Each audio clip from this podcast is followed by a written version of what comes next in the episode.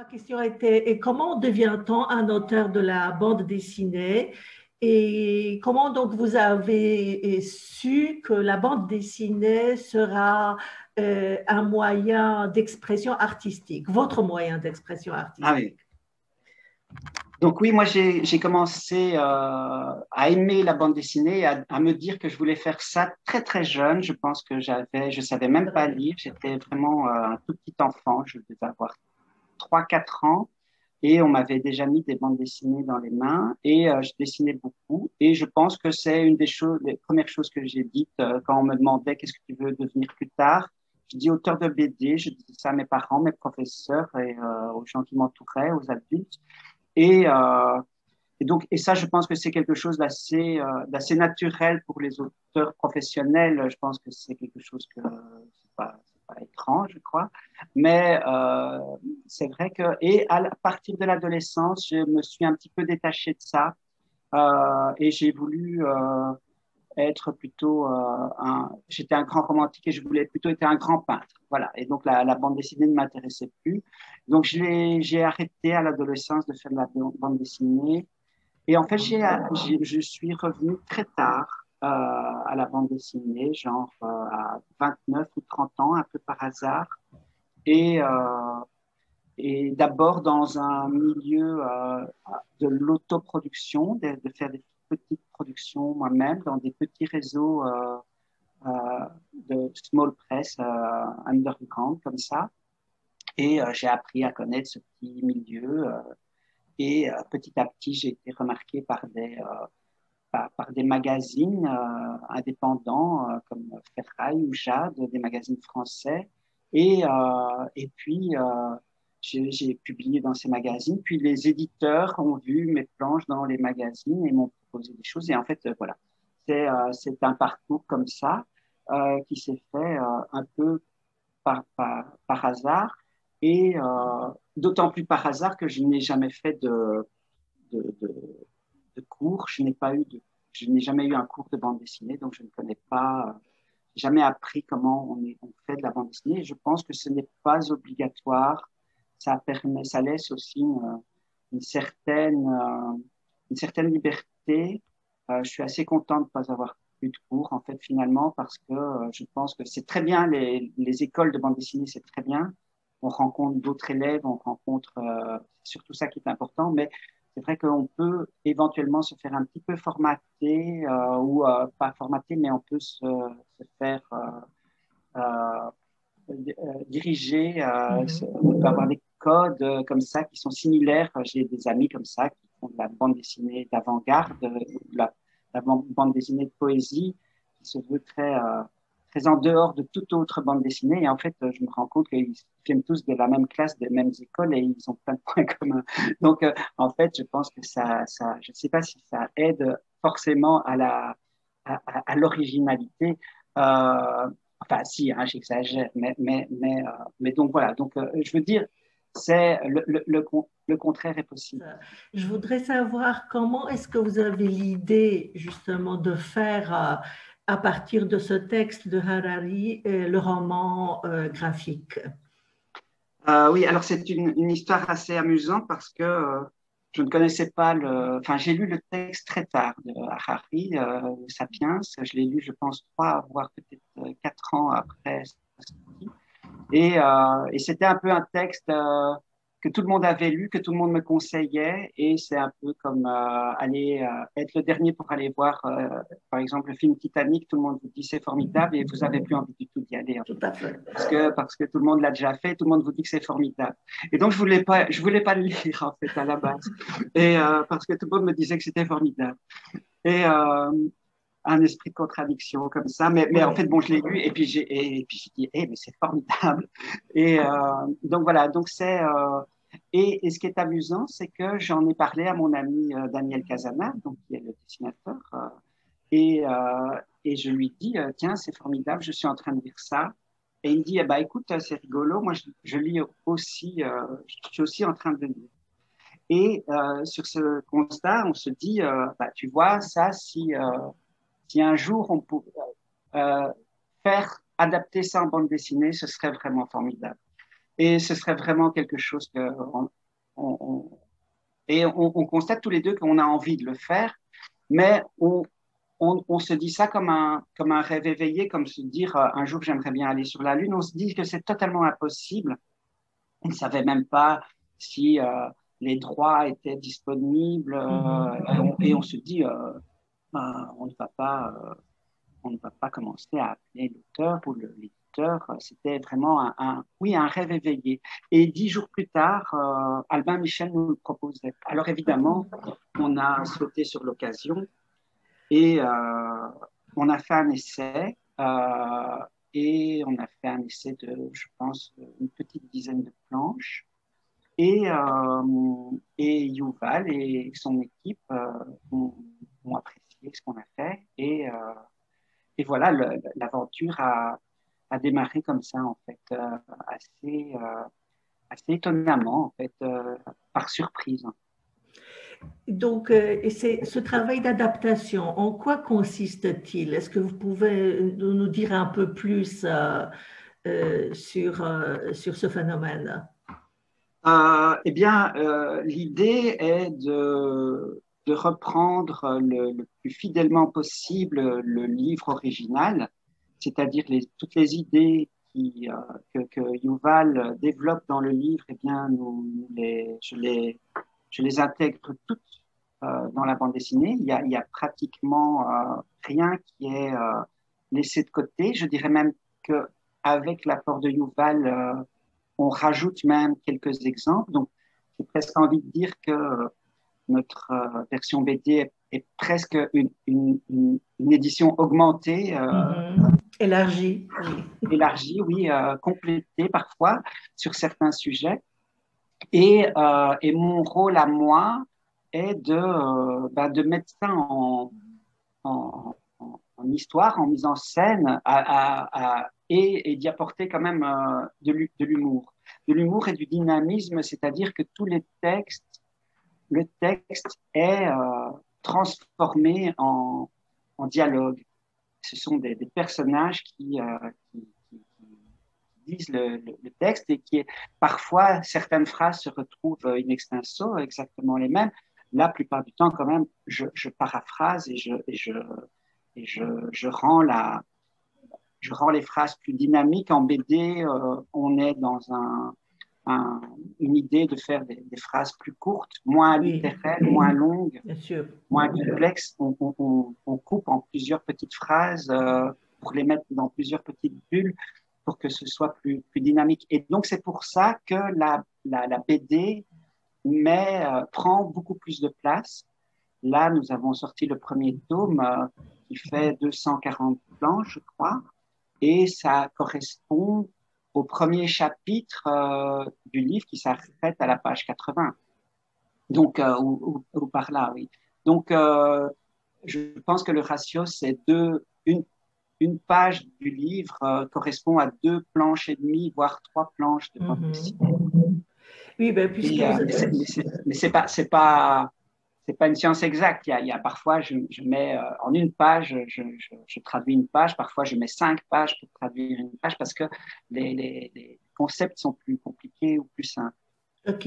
Et donc, euh, justement, pour, euh, pour euh, j'aimerais bien savoir donc quel était le rôle de Harari dans votre travail.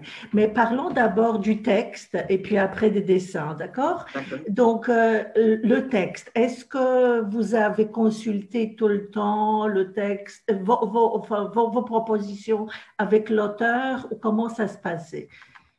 Oui, oui. Alors, c'est ce qui est intéressant, c'est que Daniel et moi, Daniel Casanave et moi, au début, on s'imaginait que nous allions euh, faire euh, des pages, que moi j'allais écrire un scénario, que Daniel allait dessiner, et puis que, euh, que Yuval allait superviser notre travail et dire oui, mm-hmm. non.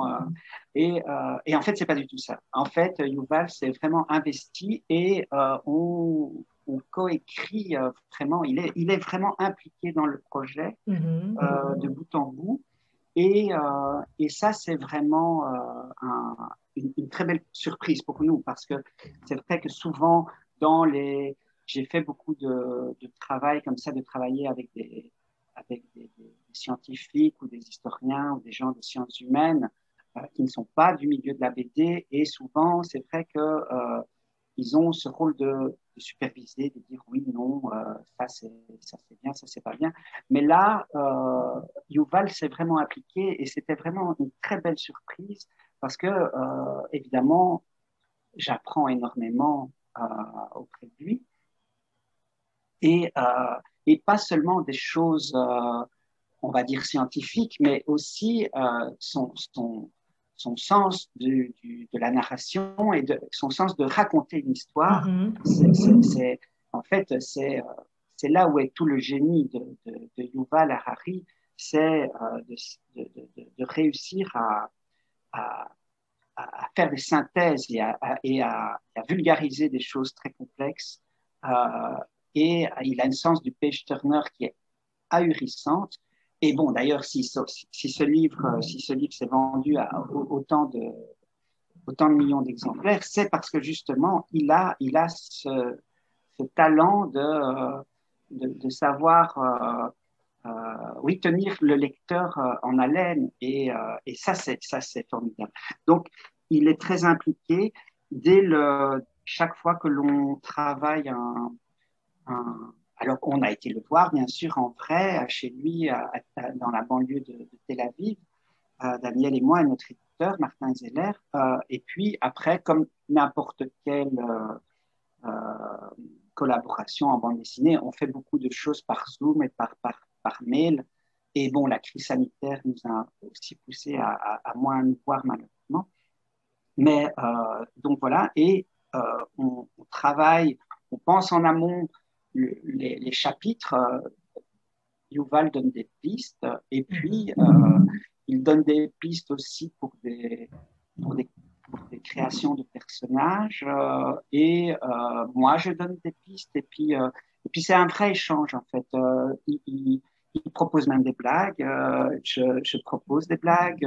et en fait, c'est c'est très amusant et c'est très, c'est très, très gai. Donc, c'est une vraie collaboration euh, intime et, euh, et très euh, et très poussé. Et puis après, évidemment, il y a son équipe qui l'entoure et qui va nous aider, qui nous aide aussi à la documentation parce que c'est un des enjeux du livre qui est très compliqué, c'est euh, comment représenter euh, le passé et surtout le passé très lointain. Donc là, comme le premier tome commence vraiment à, à moins 70 000 ans, euh, euh, c'est quand même, euh, il n'y a pas, pas d'image, il n'y a pas de gravure, quoi. Donc, euh, on doit vraiment se, Mais il y a quand même des artistes scientifiques qui ont, qui ont, qui, ont, fait des peintures de reconstitution et tout ça qui existent dans des encyclopédies et tout ça. Et donc, son équipe nous aide aussi à, à, à nous donner ce matériel, enfin, surtout pour, pour Daniel, pour le dessin, justement. Oui, justement, je voudrais donc euh, euh, continuer avec le problème de dessin parce que euh, il y a énormément de références à la culture, évidemment, et aussi à la culture pop. Et là où vous parlez, par l'exemple du génocide, il y a Guernica, enfin la référence à la Guernica, mm-hmm. n'est-ce pas? Il y a le docteur fiction qui est comme Batman, etc. Il y a énormément de, de références de ce type-là. Donc, et ça, ça devait être aussi je crois, enfin, accepté par l'auteur. Comment vous avez fait est-ce qu'il a accepté son problème, justement Oui, bien sûr. Il est, Yuval est très client, justement, de ce genre d'initiative. Et en fait, plus, euh, c'est bien simple, plus je suis euh, fidèle au texte et euh, sérieux, moins il est content. ah, d'accord. voilà. Et voilà en fait, il est très enthousiaste dès qu'on est imaginatif et que, mm-hmm. et, donc c'est vrai que euh, on a décidé de faire des plusieurs clins d'œil comme ça à la à la peinture. Alors ça, les, les, les apports de la peinture, c'est souvent euh, Daniel euh, qui, euh, qui les trouve. Euh, moi, je, je, fais aussi des, des je, je, propose aussi des, des choses. Et, et donc, oui, ça rend le, ça rend le, la chose un peu plus euh, ludique. C'était aussi une façon de, euh, parce qu'on on savait qu'on allait avoir deux genres, deux styles de lecteurs, c'est-à-dire les lecteurs qui n'ont jamais lu Sapiens et les lecteurs qui avaient apprécié Sapiens et qui se disent ah tiens je vais j'ai adoré ce livre, je vais le relire en bande dessinée voir ce que ça donne. Et on savait qu'on allait avoir ces deux euh, ces deux genres de, de lecteurs et, euh, et, il fallait euh, trouver bah, des petites des petites choses un peu amusant pour les gens qui connaissaient déjà le texte mm-hmm. et, et, pour mettre effectivement ce texte en, en perspective. C'est aussi une façon de, de, de mieux faire comprendre les concepts avec des, des, des, choses du commun et qui, avec des choses qui nous entourent en fait.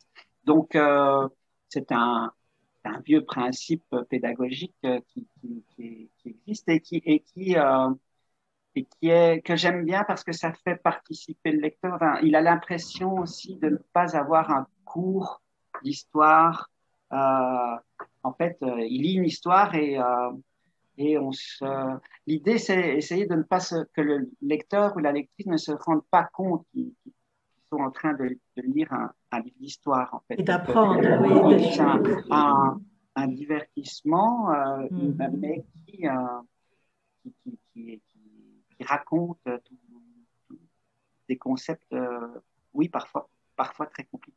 Vous avez dit dans une interview, je vais lire, euh, que votre but, dans, quand vous avez parlé de votre projet de Romantica, je crois, oui. et que le but, et que votre but n'est pas que le lecteur vous dise que la BD était bien, mais qu'ils disent j'ai lu votre BD et j'ai envie, j'ai acheté le livre, enfin le vrai livre. Oui, tout à fait.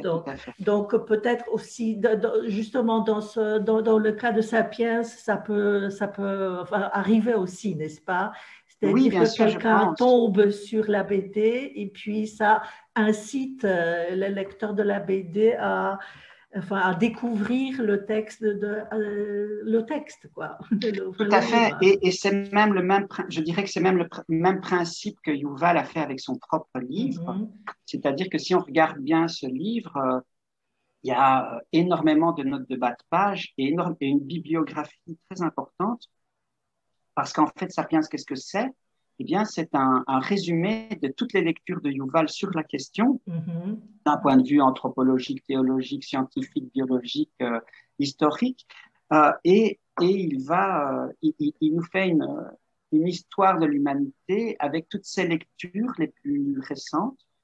Et, et il dit voilà, et, et, à chaque fois, dans le texte, on peut voir euh, voilà, j'ai tiré ça, ce raisonnement de ce livre-là, celui-là de ce livre-là, et quelque part, si Yuval a voulu mettre tous ces, euh, euh, tous ces livres en fin de son livre, où on voit vraiment tout, tout, ce qu'il a lu, ben, c'est justement aussi une invitation au lecteur de dire, vous avez aimé ce livre, ce livre est une est une synthèse. Mm -hmm. allez, allez lire les, allez lire tous les livres. Et, et effectivement, Daniel et moi, on participe un peu de ce même raisonnement euh, quand on fait une bande dessinée euh, sur des, euh, des, auteurs romantiques. Euh, comme on en a fait beaucoup, on a, on a fait plusieurs livres ensemble euh, sur des, des, des, vies littéraires du 19e siècle. Et bah, l'idée, c'est vraiment, on, on, va essayer de vous faire envie de lire Nerval ou bien Percy Shelley ou euh, Pushkin peut-être. Oui, on voulait faire Pushkin aussi et euh, ou euh, Adalbert von Chamisso. Enfin, on, on, a, on a fait euh, on a fait comme ça plusieurs euh, plusieurs auteurs qui n'étaient pas forcément très connus encore aujourd'hui du grand public, en tout cas en, en, en, en France. Mm -hmm. et et on a donné parfois l'envie à nos lecteurs d'aller chercher les vrais textes et, et ils nous l'ont savoir. Et c'est un vrai, euh, ça c'est un vrai bonheur en fait, parce que c'est, euh, voilà, parce qu'en fait c'est une idée de transmission en fait et de, et de, et de dire euh, et de faire aussi comprendre que on peut s'amuser avec la littérature, on peut la, on peut la, on peut la tordre, on peut s'en moquer même, et, et, mais l'aimer et, et, et donner l'envie de l'aimer. Donc, donc voilà, c'est un peu notre pas notre credo, mais c'est notre façon de, de, voir les choses. D'accord. Et donc, vous avez dit, en, parlant de Sapiens, que et ce livre, enfin, ce roman graphique correspond à peu près à un chapitre, vous avez dit, du texte. Oui, de... ça. Donc, quel est le projet d'avenir pour euh, Sapiens Alors, Sapiens, donc, euh, en fait, dans le, dans le livre originel, il y a quatre chapitres, mm-hmm. dont, un, dont le quatrième est, est, double.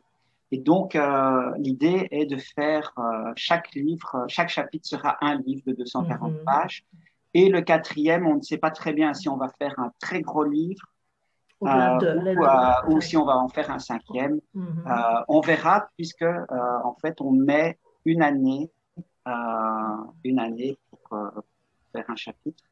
Donc, on va, euh, transposer euh, ce, livre en bande dessinée en, cinq ans si euh, on tient le rythme. Et ça, ça, vous réussissez pour le moment de tenir le rythme justement?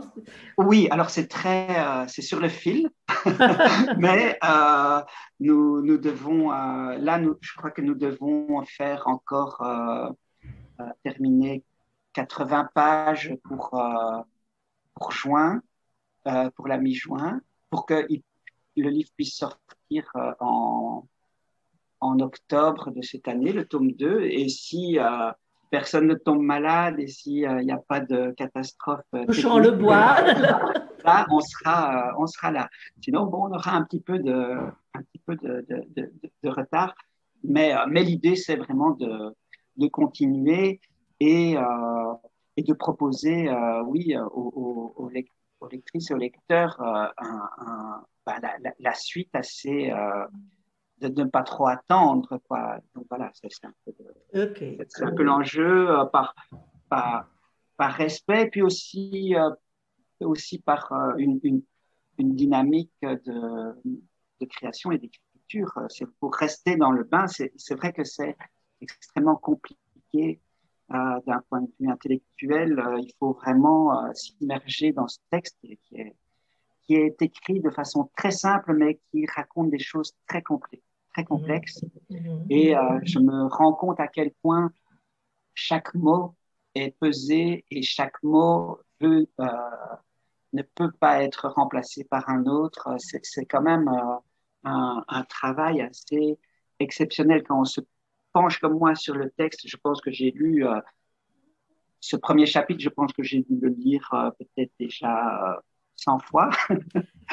Alors, je ne le connais pas encore par cœur, mais, mais, mais, mais, presque. Et, et c'est vrai que c'est très impressionnant de, de, de, se rendre compte que tout est, tout est pensé et tout, est, et tout fonctionne pour que euh, les idées s'enchaînent de façon euh, assez, euh, assez incroyable.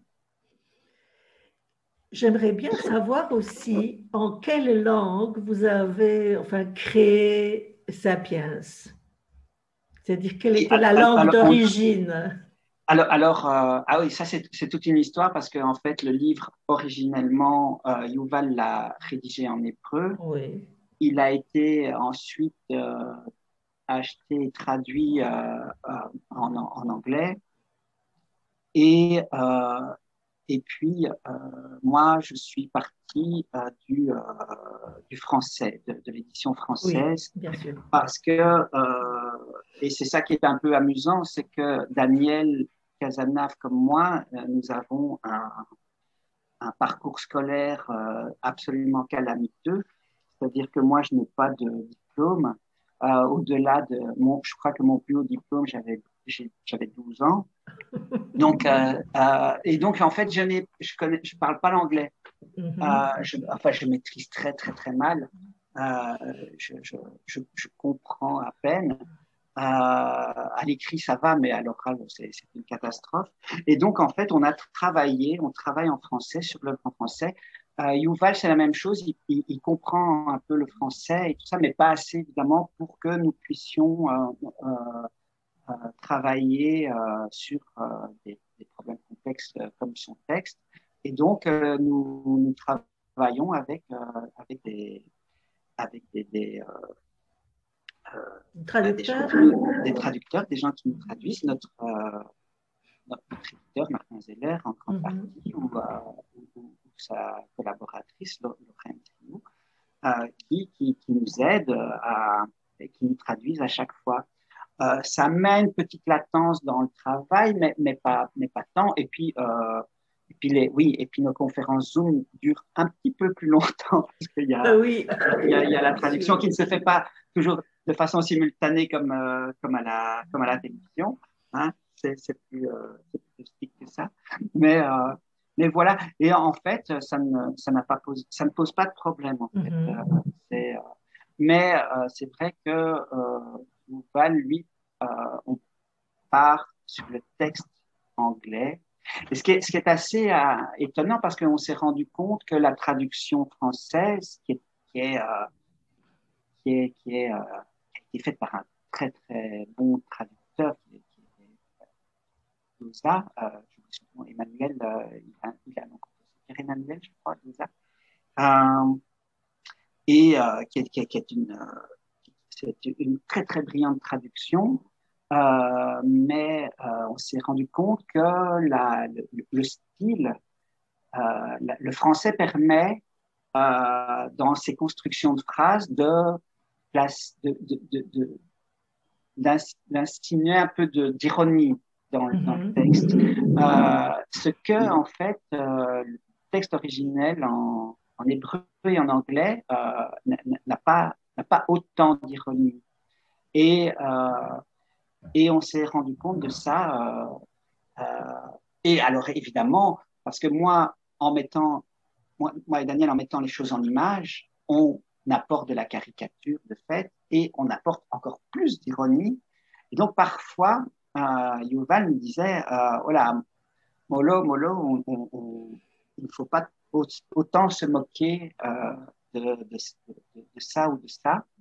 Euh, et, euh, et c'est des choses que on n'aurait peut-être pas, on aurait peut-être deviné à l'avance si on avait lu le texte en hébreu ou en anglais. Assez ah, compliqué justement avec, ces, avec ces langues euh, et ces mélanges. Donc, mais, donc euh, c'est-à-dire que la, enfin, la première publication, la première édition, c'était en français. Non, la première édition, c'est en hébreu, il y a dix ans. Non, non, je, je parle de, ah. de, votre roman graphique. Ah oui, eh bien, en fait, euh, en, en, fait, il y a, il y a eu un, un, phénomène que je pense que il y a peu eu de ce, ce genre de phénomène dans l'histoire dans de la bande dessinée, c'est qu'on a été euh, publié en même temps dans euh, près de 25 langues. Ah, d'accord. Entre 25 et 30 langues en même temps. Uh -huh. Ça veut dire que euh, nous avons euh, prévu euh, euh, que l'éditeur Albin Michel prévoyait les fichiers, euh, parce que la bande dessinée, c'est très technique, euh, c'est-à-dire qu'on on a, des, on a des fichiers euh, pour les couleurs et on a des fichiers pour, le, pour les textes et des fichiers pour les dessins. Et euh, il faut, sur les pages originales, euh, euh, séparer ça, tout ça à l'avance mm-hmm. pour que les langues étrangères puissent mettre leur, leur propre qualité leur propre signe dans la bande dessinée.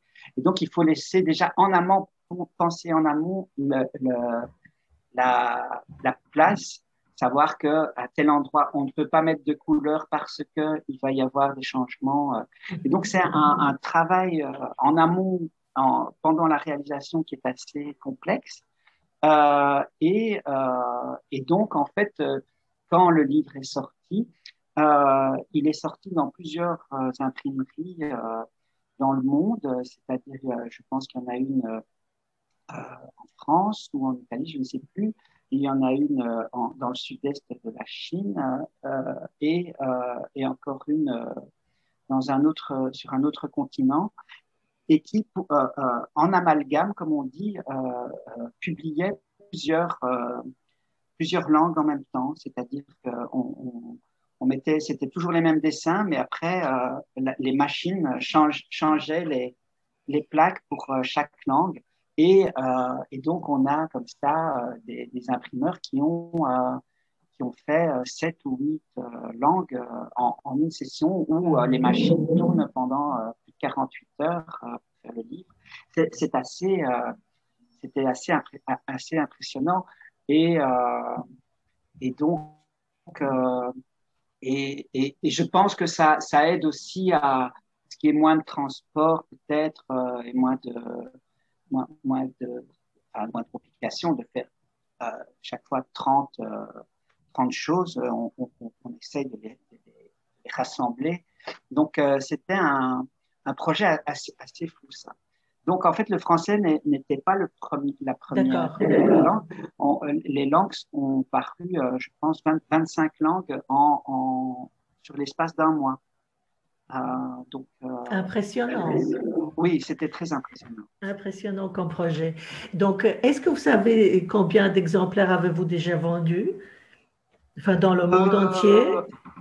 Non, non, on n'a pas encore les, les, chiffres. On sait qu'on a des bonnes réceptions mais euh, on, ne sait pas. Euh, je sais que euh, nous avons, on n'a pas encore les, chiffres exacts, mais je sais que nous avons été dans plusieurs pays, en Allemagne, en Angleterre et aux États-Unis et en France. On, on, le livre s'est placé dans le top 10 des meilleures ventes, tous livres confondus.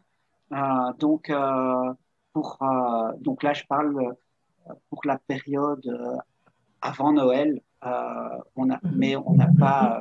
C'est très compliqué en, en dans, dans, la chaîne du livre de connaître euh, ces chiffres euh, euh de façon si, euh, si rapide.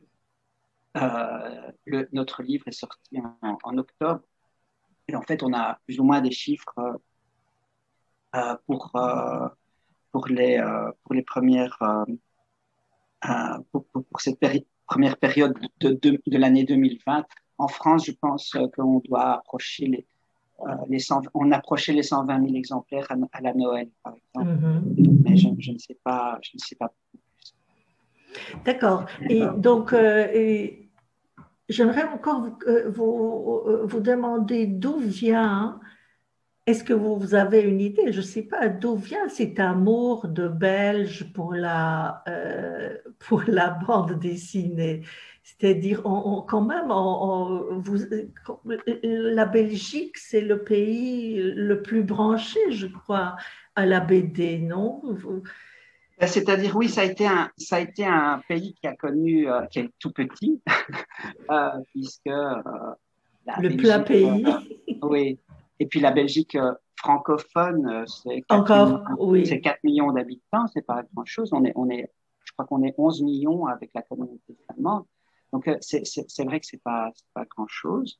Et, euh, et c'est vrai qu'on a vraiment eu un, un âge d'or avec bah, autant Hergé et Jacobs que l'école de Marcinelle, c'est-à-dire l'école de avec Franquin, euh, et, euh, bien d'autres.